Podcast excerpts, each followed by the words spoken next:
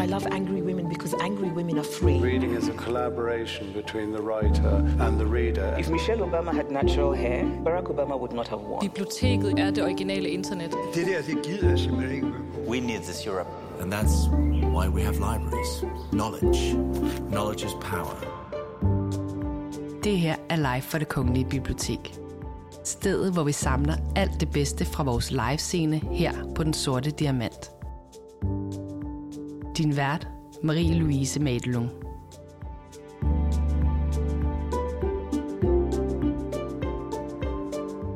En af Europas mest betydningsfulde dokumentarfotografer er Anders Petersen. Og du skal lige om lidt lytte til en samtale imellem ham og Henrik Saxgren. Petersen er blandt andet kendt for at skabe de her meget intense portrætter af mennesker på kanten af samfundet, hvor han balancerer mellem socialdokumentarisme og personlig indsigt, hvor han samtidig også afdækker det sårbare i de her menneskelige møder. Til at lede samtalen, der har vi Henrik Saxgren, der selv er en erfaren reportagefotograf med en imponerende karriere. Den spænder blandt andet fra reportage i Sovjet til Grønland. Hans værker er blevet udstillet på anerkendte kunstmuseer, og han har modtaget adskillige priser herunder Dansk Fotografis hæderspris. Det du skal glæde dig til at høre, det er Anders Petersen fortælle om de relationer, han igennem årene har opbygget med de mennesker, han har fotograferet.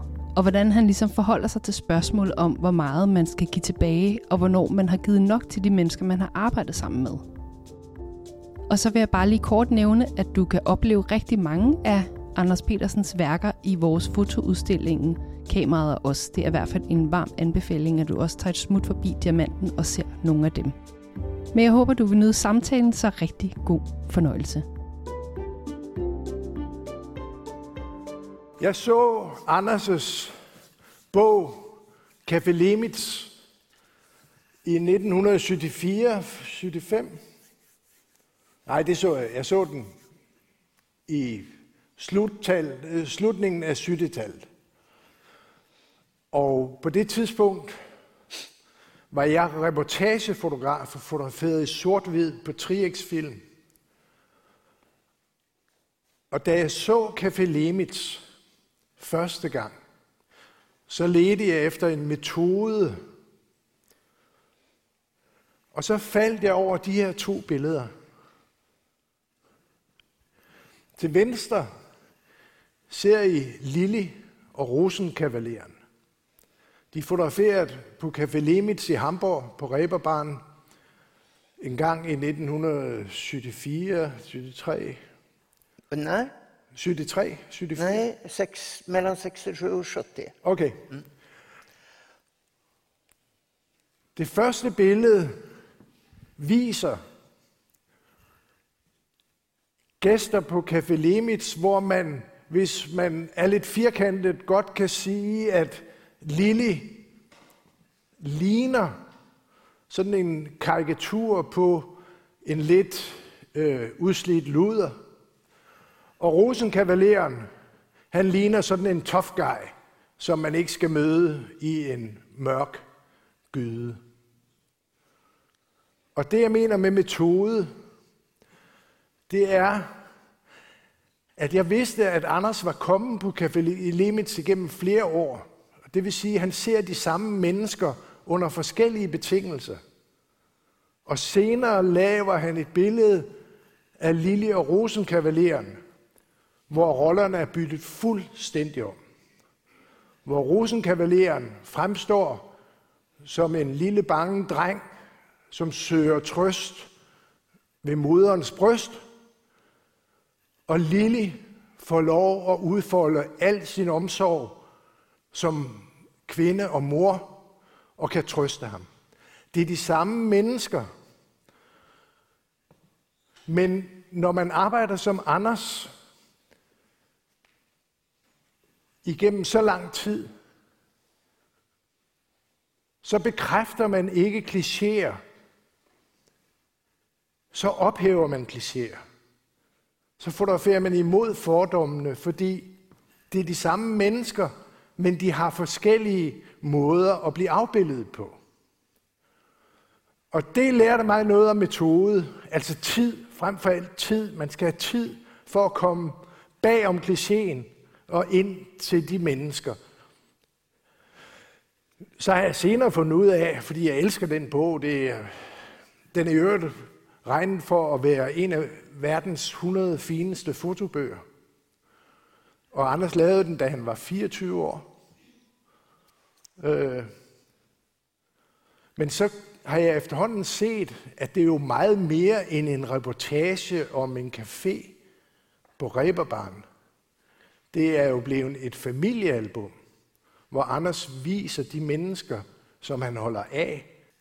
Café Lemits udkom i 1900... Ja, den, den gjordes alltså mellan 67, den gjordes mellan ehm, oktober 67 och april 1970. För då hade jag min första utställning där 1970 i april, i början på april. Mm. Men den kom inte ut i bok förrän 1978. Jag försökte få ut den, men det var ingen som gillade det. Jag gick till sju olika förlag och de sa nej, aldrig i livet, sa de. Så det blev ingen bok då. Jeg ved, den blev anmeldt i italiensk Playboy. Det stämmer, ja. Og hvem var det, der anmeldte den? Det var Fellini. Mm.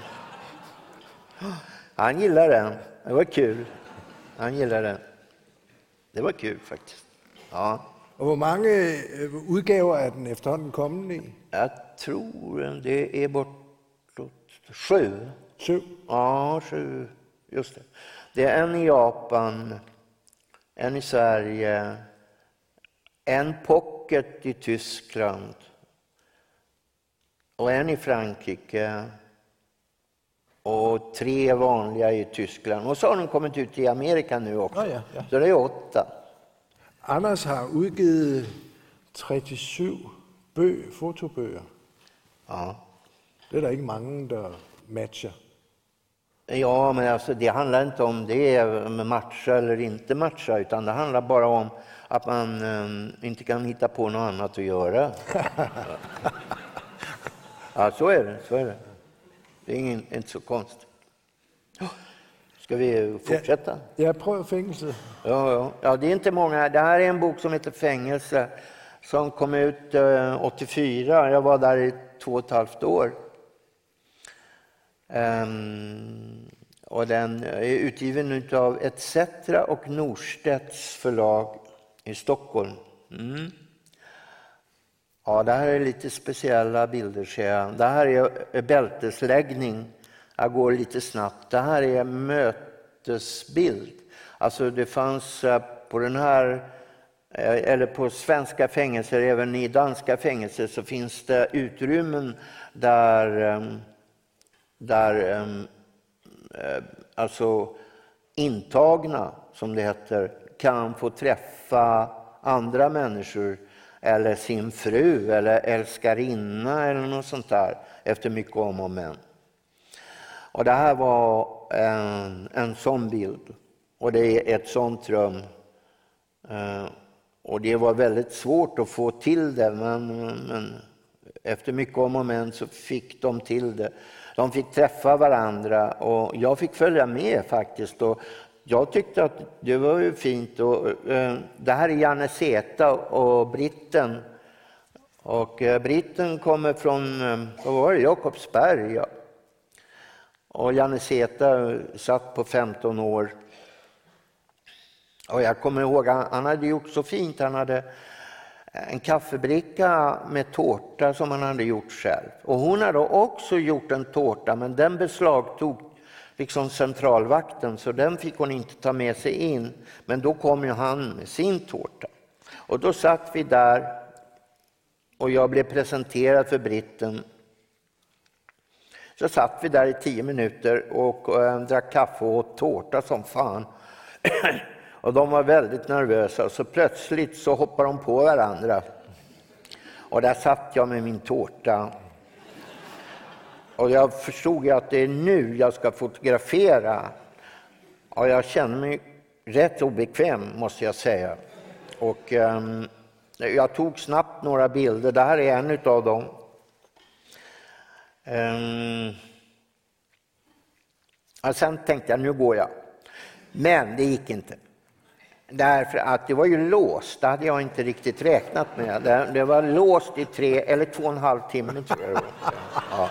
ja, det var ett helvete måste jag säga. Det, ja, så är det. Och det här är Kina. En legend inom svensk kriminalvård, en, en kändis i branschen. en... Han jobbade med, bank, Eh, med bankrån först, men sen så blev han väldigt mycket bättre på sådana här, eh, vad heter det, han gick in med kassaskåp, alltså han bröt sig in hos folk och eh, fixade kassaskåp och sådär. Han var väldigt skicklig på det. Um, och sen så träffade jag honom och så frågade vad ska du göra? Så jag, ja, jag ska ta ett bad. Ja, och då så tog jag den här bilden av honom när han ligger och tar sig ett bad. Och för mig var det då, när, kommer jag ihåg, nu tycker jag att det är lite överambitiöst, men då tyckte jag att det var en bra bild på ett sätt därför att det visar att han ligger någonstans inne, innesluten i en, en sorts, um, vad kan jag säga, en sorts uh, hinna, en livmoder. Och navelsträngen ser ni, den går från Nej. tvättmaskinen under mig ner där. Va? Så fantiserade jag om den. Ja, men han gillade bilden i alla fall. Där är muren. Den är 1100 meter lång och 7 meter hög. Och omgiven av sådana här elektriska lampor runt om.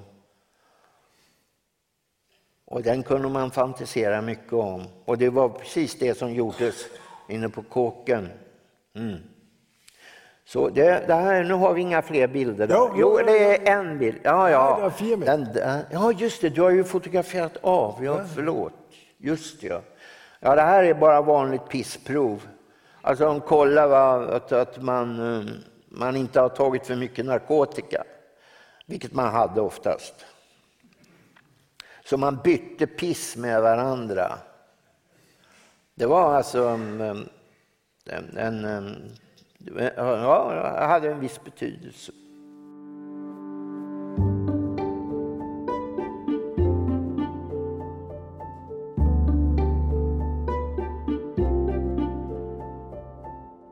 Jeg, må jeg fortælle en lille anekdote om os to? Ja, ja, ja, ja. ja. Kan du huske, at jeg kom for at besøge dig i Folkungergarten, mm. og du havde inviteret på middag, mm.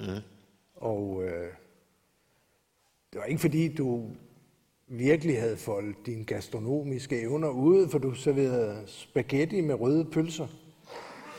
Ja. Men en god vin. Ja, det, og måske, tak. En, ja. måske en pistache, det kom. Måske. Ja, ja måske. Nå, men vi havde lige sat os, og så ringer din telefon. Mm. Og så tager du den. Tjena, siger du, som du altid siger. Ja. Og så sidder du, mens jeg sidder på den anden side af bordet, og ja, du har inviteret ja, mig, ja. så sidder du og prater i 20 minutter. Ja, men det är för jävligt. Ja, jag är ledsen. Og jeg tænker, hvad fanden er han for en idiot? Ja. Og så, øh, og jeg forsøger at holde gode miner til slet spil og lade som om det ikke øh, irriterer mig. Og så ligger du rørt, og samtalen er slut. Og så siger du, det var en kilde fra fængselset. Han havde brug for at tale. Mm. Og så er mit spørgsmål, fordi det fik jeg jo vanvittig respekt for. Lige pludselig kunne jeg jo godt se, at du ikke var en jævla idiot, men du var en fantastisk øh, fyr. Og så er mit spørgsmål her, når du får så tæt et forhold til mennesker, fordi du siger jo også, at for dig er fotografiet ikke det vigtigste. Det er mødet med de mennesker. Mm. Altså, at øh, og hvert et møde, altså du får ikke mere, end du giver. Altså, og hvis du synes, at det du havde fået af den kilde, som ringede til dig, det var det var slet ikke udlignet. Du havde ikke betalt tilbage, at du måtte prøve det med ham i 20 minutter. Så tænker jeg, hvornår har du betalt tilbage? Hvor, hvor, hvor, hvor, hvor stor er den, jeg mener ikke gæld negativt, men, men din forpligtelse efter et meget intimt møde med nogle fremmede mennesker, hvor du har tilbudt dig selv og fået fortrolighed, kan, mm. kan den forpligtelse over for de mennesker, kan den vare i 20 år? Ja, ja. Hallå, vad du gör nu, med, eh, genom din fråga, så berör du en av eh, de eh, komplicerade balansakter som det handlar om när man eh, lever med fotografi och lever med människor och insisterar på bägge, bägge delarna. Liksom. Det är en komplicerad och viktig frågeställning som du berör och som är närmast um, existentiell faktiskt. Mm. Det är den. Uh, om man försöker göra uh, så gott man förmår. Men oftast så klarar man inte av det. Ja, inte jag i alla fall. Ja. Därför att du kommer så otroligt nära. Framför allt människor som sitter på kåken. Framför allt människor som har ett stort behov av att prata, att delge någon annan sina drömmar och sin längtan och sina erfarenheter. För den personen som sitter i 20-25 år på en sluten riksanstalt så är det helt avgörande att han äntligen får någon att lyssna på. Men det säger sig självt att man inte kan hålla på och lyssna och lyssna och lyssna. Man måste också ge tillbaks annat än att bara låna ut sina öron till folk. Man måste också komma med sina historier om sitt liv, om sin personlighet, om sitt temperament. Och inte sticka under stol med det, utan alltså stå upp för vem man är och inte glömma bort att man samtidigt är fotograf. Och det är en av de absolut svåraste preciseringar man tvingas göra som fotograf. Ehm, när man, som jag, eh, är passionerat intresserad och nyfiken på människor och på det som finns inom människan, det vill säga också inom mig själv. För det handlar ju inte som många har missförstått för övrigt. Det handlar ju inte om att eh, jag till exempel söker mig till människor Eh, i en utanför situation i första hand. Utan det handlar om att jag söker mig till människor som jag delar en längtan med och som jag kan på något vis identifiera mig själv med. Och de fanns just när det gäller fängelse här så fanns det väldigt mycket av den varan. Men det finns det hela tiden. Med det har jag inte alls svarat på din fråga. Ja, det Nej, det har jag faktiskt inte, för att den är mer komplicerad än så. Men det, det är någon, någonting som man borde besvara, kanske inte jag och kanske inte du, men någon som är bra på att formulera sig, bra på att eh, med empati och intelligens kunna relatera till vad det handlar om att vara människa. Men Anders, du har tit sagt, att mötet med de människor är viktigare än fotografiet. Absolut, ja, ja, ja. Fotografi är en läckerol i förhållande till det tunga livsfarliga allvar som man ställs inför när man är nära människor i en utsatt situation. Fotografi är bara en nyckel som man låser upp med. Men fotografi kommer, för mig i alla fall, får inte komma i första hand för eh, då är det kört. Va? Ehm, om fotografi till exempel hade kommit i första hand för mig, då skulle jag inte som nu när jag har varit i Neapel under två perioder försöka lära känna nya människor i min ålder och med de stora begränsningar som det innebär att vara i min ålder och ha opererat min rygg. Va? Så det skulle jag inte göra om inte just den här nyfikenheten var så jävla stor som den är och som den fortfarande är. Och också viljan att försöka komma nära någon precisering genom det visuella. Va? Det är väldigt svårt, tror jag. Men jag försöker ändå med det, men jag tror inte att jag lyckas. Va? Men, men eh, jag, träffade, jag, eh, jag träffade en snubbe häromdagen. Han heter Peter Moskin, jag vet inte, han är en författare i Sverige och bor i Stockholm och han har gett ut några bra böcker faktiskt. Och, och så plötsligt, alltså helt oförberedd som jag var, så rusade han fram vid, vid busshållplatsen där jag brukade ha tvåans buss. Så kom han fram och så sa men varför plåtar du egentligen? Ska du inte lägga av?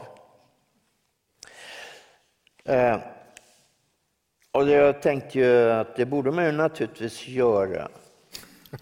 Men eh, sen smsade jag honom och sa, jag kan ju inget annat än att hålla på och plåta. Så så är det.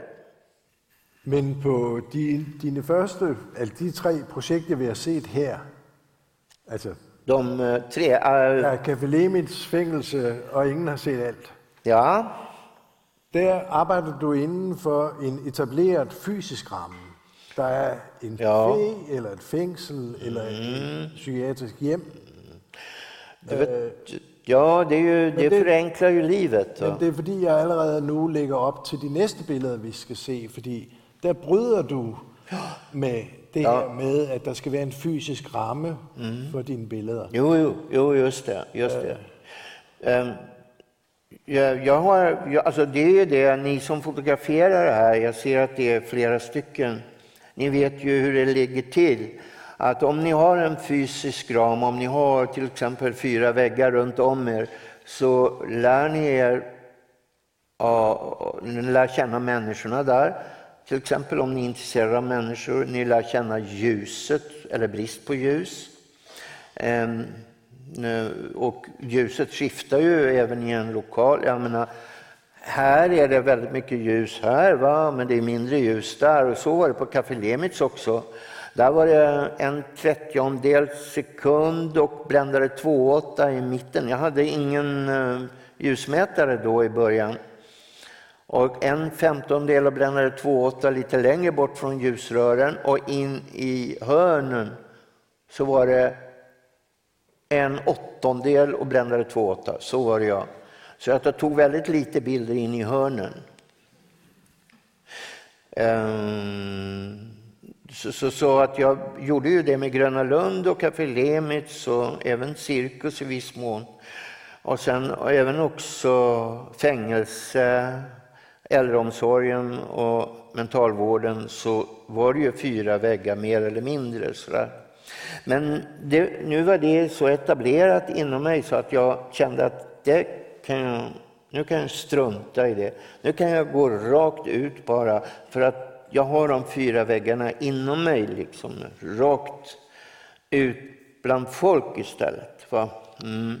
Oj då. Nu här är ju alldeles för mycket människor. det var slut. Ja, där är något annat. Ja. Det man også skal sige, det er, at så længe du arbejder inden for en fysisk ramme, som et fængsel eller et me- mentalsygehus, øh, så kan du arbejde ret frit. Ja. Måske er det, nu det her er et spørgsmål. Ja. Måske sker der også det, at din signatur bliver så skarp, at du godt kan holde billederne sammen, selv når du går uden for murene, ud i verden, opsøger forskellige steder. Altså det, det, de- for de billeder vil du også gerne have, skal hænge sammen. Mm. Men nu har du jo bare ikke den fysiske ramme mere. Nej, jag har inte det. Nej. Jag har bara mig själv. Och Ja, framförallt så har jag människorna, eller strukturerna också, som är runt omkring. Men jag har det så starkt inom mig själv. Så ehm, jag, jag vill gärna utmana ödet och skapa de här em, väggarna helt av mig själv. Va? Utan att vara beroende av de som redan finns. Och foga ihop bilder till bilder som inte nödvändigtvis hör ihop. Men som hör ihop i ett annat kontext, koncept.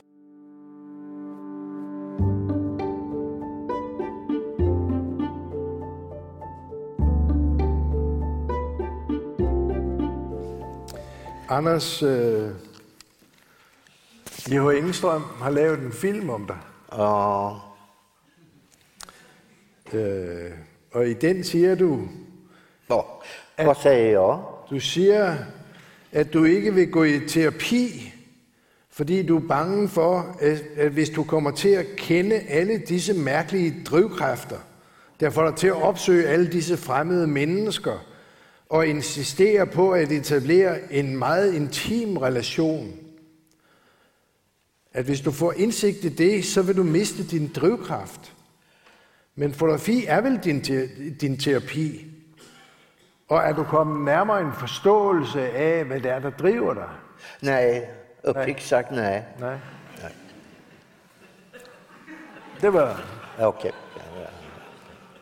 Nej, jag har inte kommit närmare en förståelse av detta. Det, det, jag kanske inte har strävat så mycket efter att komma till förståelse om detta. Va?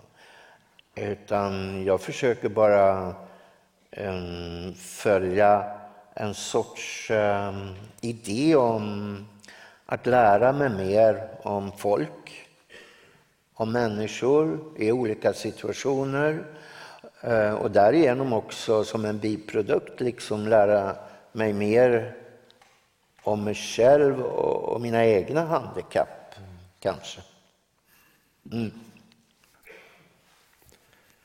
Jeg har tit tænkt på, at den altså helt øh, vilde drivkraft, En gång till. den drivkraft, Ja. du har haft til at opsøge vildt fremmede mennesker, i skumle kvarterer i Istanbul eller andre øh, byer, og du så går med dem hjem, hvor du faktisk får dem til at udstille ting af sig selv, om sig selv, som de måske lidt har haft som en hemmelighed. Øh, deres ensomhed, deres skrøbelighed, deres aparte kroppe. Har du aldrig, når du er gået med de her fremmede mennesker hjem, fordi du havde en idé om, at det møde og det fotografi kunne være afgørende for dig, har du aldrig nogensinde kommet i en situation, hvor du tænkte, oh shit, det her kan virkelig udvikle sig til noget farligt. Jeg må hellere se at komme væk. Jo, det har jag naturligtvis eh, känt väldigt många gånger. Ja, ja, ja. Mm, det har jag. Och eh, gjort många tabbar och gjort bort mig rätt så ordentligt och eh, blivit rånad vad är det, 13 gånger. Men det holder dig ikke tilbage. Förlåt. Det, det, holder, det får dig ikke til at stoppe. Nej. Nej, for foran. Nej, nej, men det hör ju till. Alltså, då jag får ju skylla mig själv också. Ja. Men jag måste säga att utan det som du kallar den där drivkraften, alltså utan nyfikenheten, så skulle ju inte det vara mycket bevänt med att gå omkring och följa människor hit och dit på alla möjliga olika platser och utsätta sig. Man får inte tänka på att man utsätter sig. Man, för att det är klart man gör. Men man får inte tänka på det, för om man tänker på det, då gör man det inte. För övrigt så ska man inte hålla på att tänka så jävla mycket. Och det är ju ingen som har skrivit något vettigt om hur farligt det är att tänka för mycket, till exempel när man fotograferar. Det är ingen som har pratat om det. När det är så jävla viktigt att inte tänka, att inte använda huvudet. Utan faktiskt bara gå på känslan, gå på empatin, gå på intuitionen, gå på vad hjärtat säger. Nu låter jag väldigt romantisk, jag vet det. Men min typ av fotografi är också, och det är ju en slagsida, den är också väldigt romantisk på ett sätt. Va? Därför att jag tror människor om gott. Jag tror att vi hör ihop. Jag tror att vi är släkt med varandra. Oavsett om vi kommer från Köpenhamn, eller Tokyo, eller Stockholm eller något annat sånt här ställe, så är vi släkt med varandra. Va? Vi har våra bröder och vi har våra systrar där. Och om vi betänker detta så förstår vi att det egentligen inte det ska inte vara en match, det ska inte vara förfärligt att ta sig in där eller där eller där på det och det stället, utan det ska vara en självklarhet, det ska vara någonting som, som man gör som en medlem utav den familj som vi utgör. För vi är ju en familj, eller hur? Alla människor tillhör samma familj. Så man kan, oavsett vilken tradition man har, vilken eh, kulturell eh, tradition och, och, och vilka kulturella begränsningar man har, eller vilken religion man tillhör, så ska man ju kunna liksom åka runt och hälsa på varandra och umgås och lära sig mer om varandra och fatta detta att vi faktiskt hör ihop. Va? Då blir det inte så många krig. Ja. Det, det blir inte det.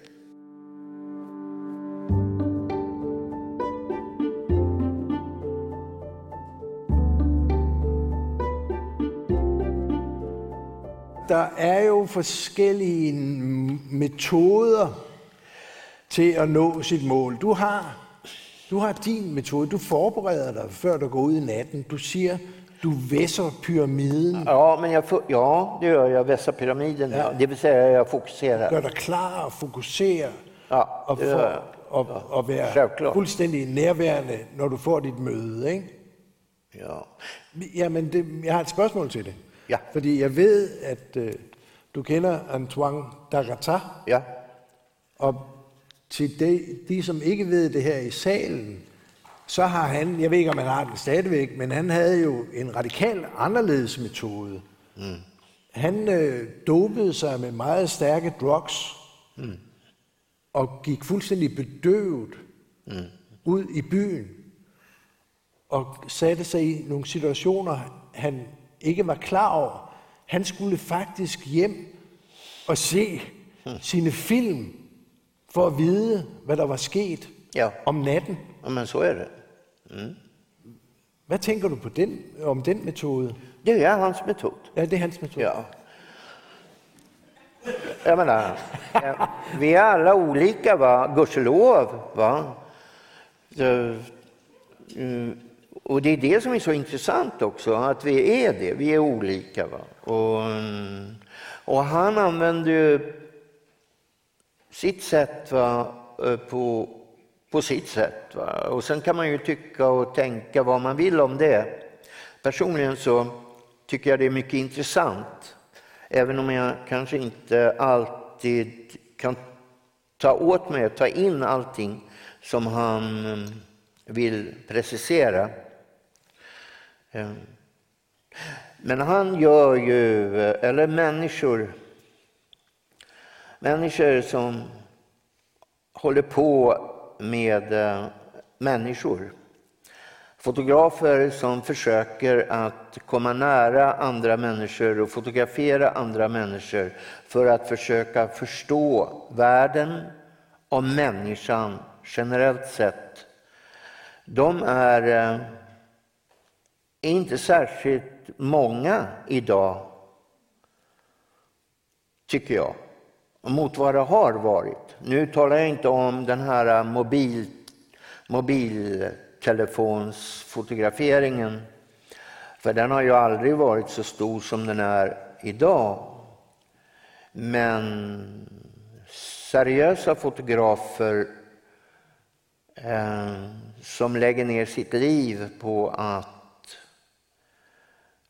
komma närmare en idé som handlar om att försöka förstå det livet som de lever och den världen som de lever i just idag. De har min största respekt och det kan man göra. Att göra det, det kan man göra på olika sätt. Här sitter många som gör det på sitt sätt som jag beundrar väldigt mycket. Och eh, Och det, det är storartat. Den uppoffring för att eh, det är på ett sätt en uppoffring även om de personerna inte ser det som det på något sätt utan det är bara ett sätt att vara för dem. Som ett typexempel, jag menar, en kille som jag träffade för inte så länge sedan, eh, en kille som jag beundrat i Eh, så jättelänge, Josef Godelka, att han fortfarande håller på, att han försöker, att han insisterar, att han kommer ut med nya böcker och har nya eh, upptäckter på gång och, och lever i nyfikenheten som en, ett sorts, en, en sorts eh, en brinnande eld inom sig. Och det är, det är helt fantastiskt att möta en sådan människa och få tillbringa en liten tid med den personen och vara i den personens närhet. Och det finns många sådana personer runt omkring. Men jag har en ting som jag har tänkt mycket över, som jag inte kan formulera som ett spörsmål. Men jag ser ju ditt verk som ett album över nutidsmänniskan. Kanske øh, måske oven i köpet äh, øh, den svaga halvdel, den mer äh, øh, utsatta halvdel af nutidsmennesket. Ikke? Der har du lavet en gennemgribende dokumentation, album af det. Jeg har tre album, som jeg elsker. Så pass.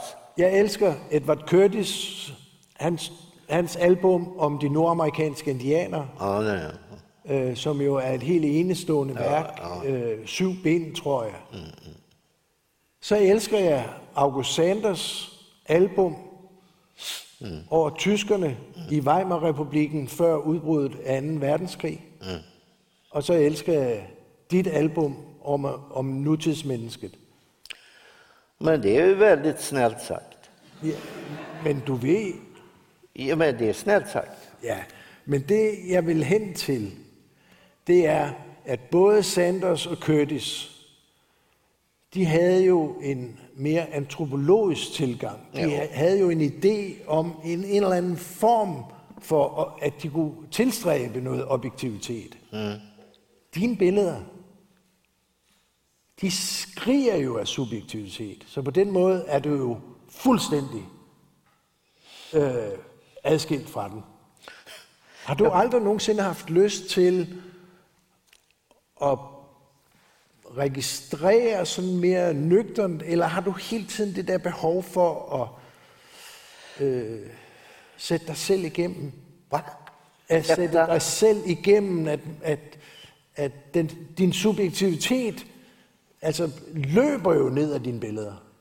De driver ned ad dine billeder. Ja, alltså det... Nej, jag är inte så eh, analytisk eh, som, eh, som du vill att jag ska vara. Det är, det är jag inte, nej. Eh, jag är mer eh, en enkel typ faktiskt. Ja. Jag, jag, jag gör mina grejer bara. Alltså, eh, av, av eh, ett brinnande begär, alltså av, av lusten och, och lusten att träffa nya och gamla människor som jag har träffat tidigare och nya som jag träffar nu eller imorgon. Va? Det är för mig, det är därför jag håller på. Va? Det, Anders?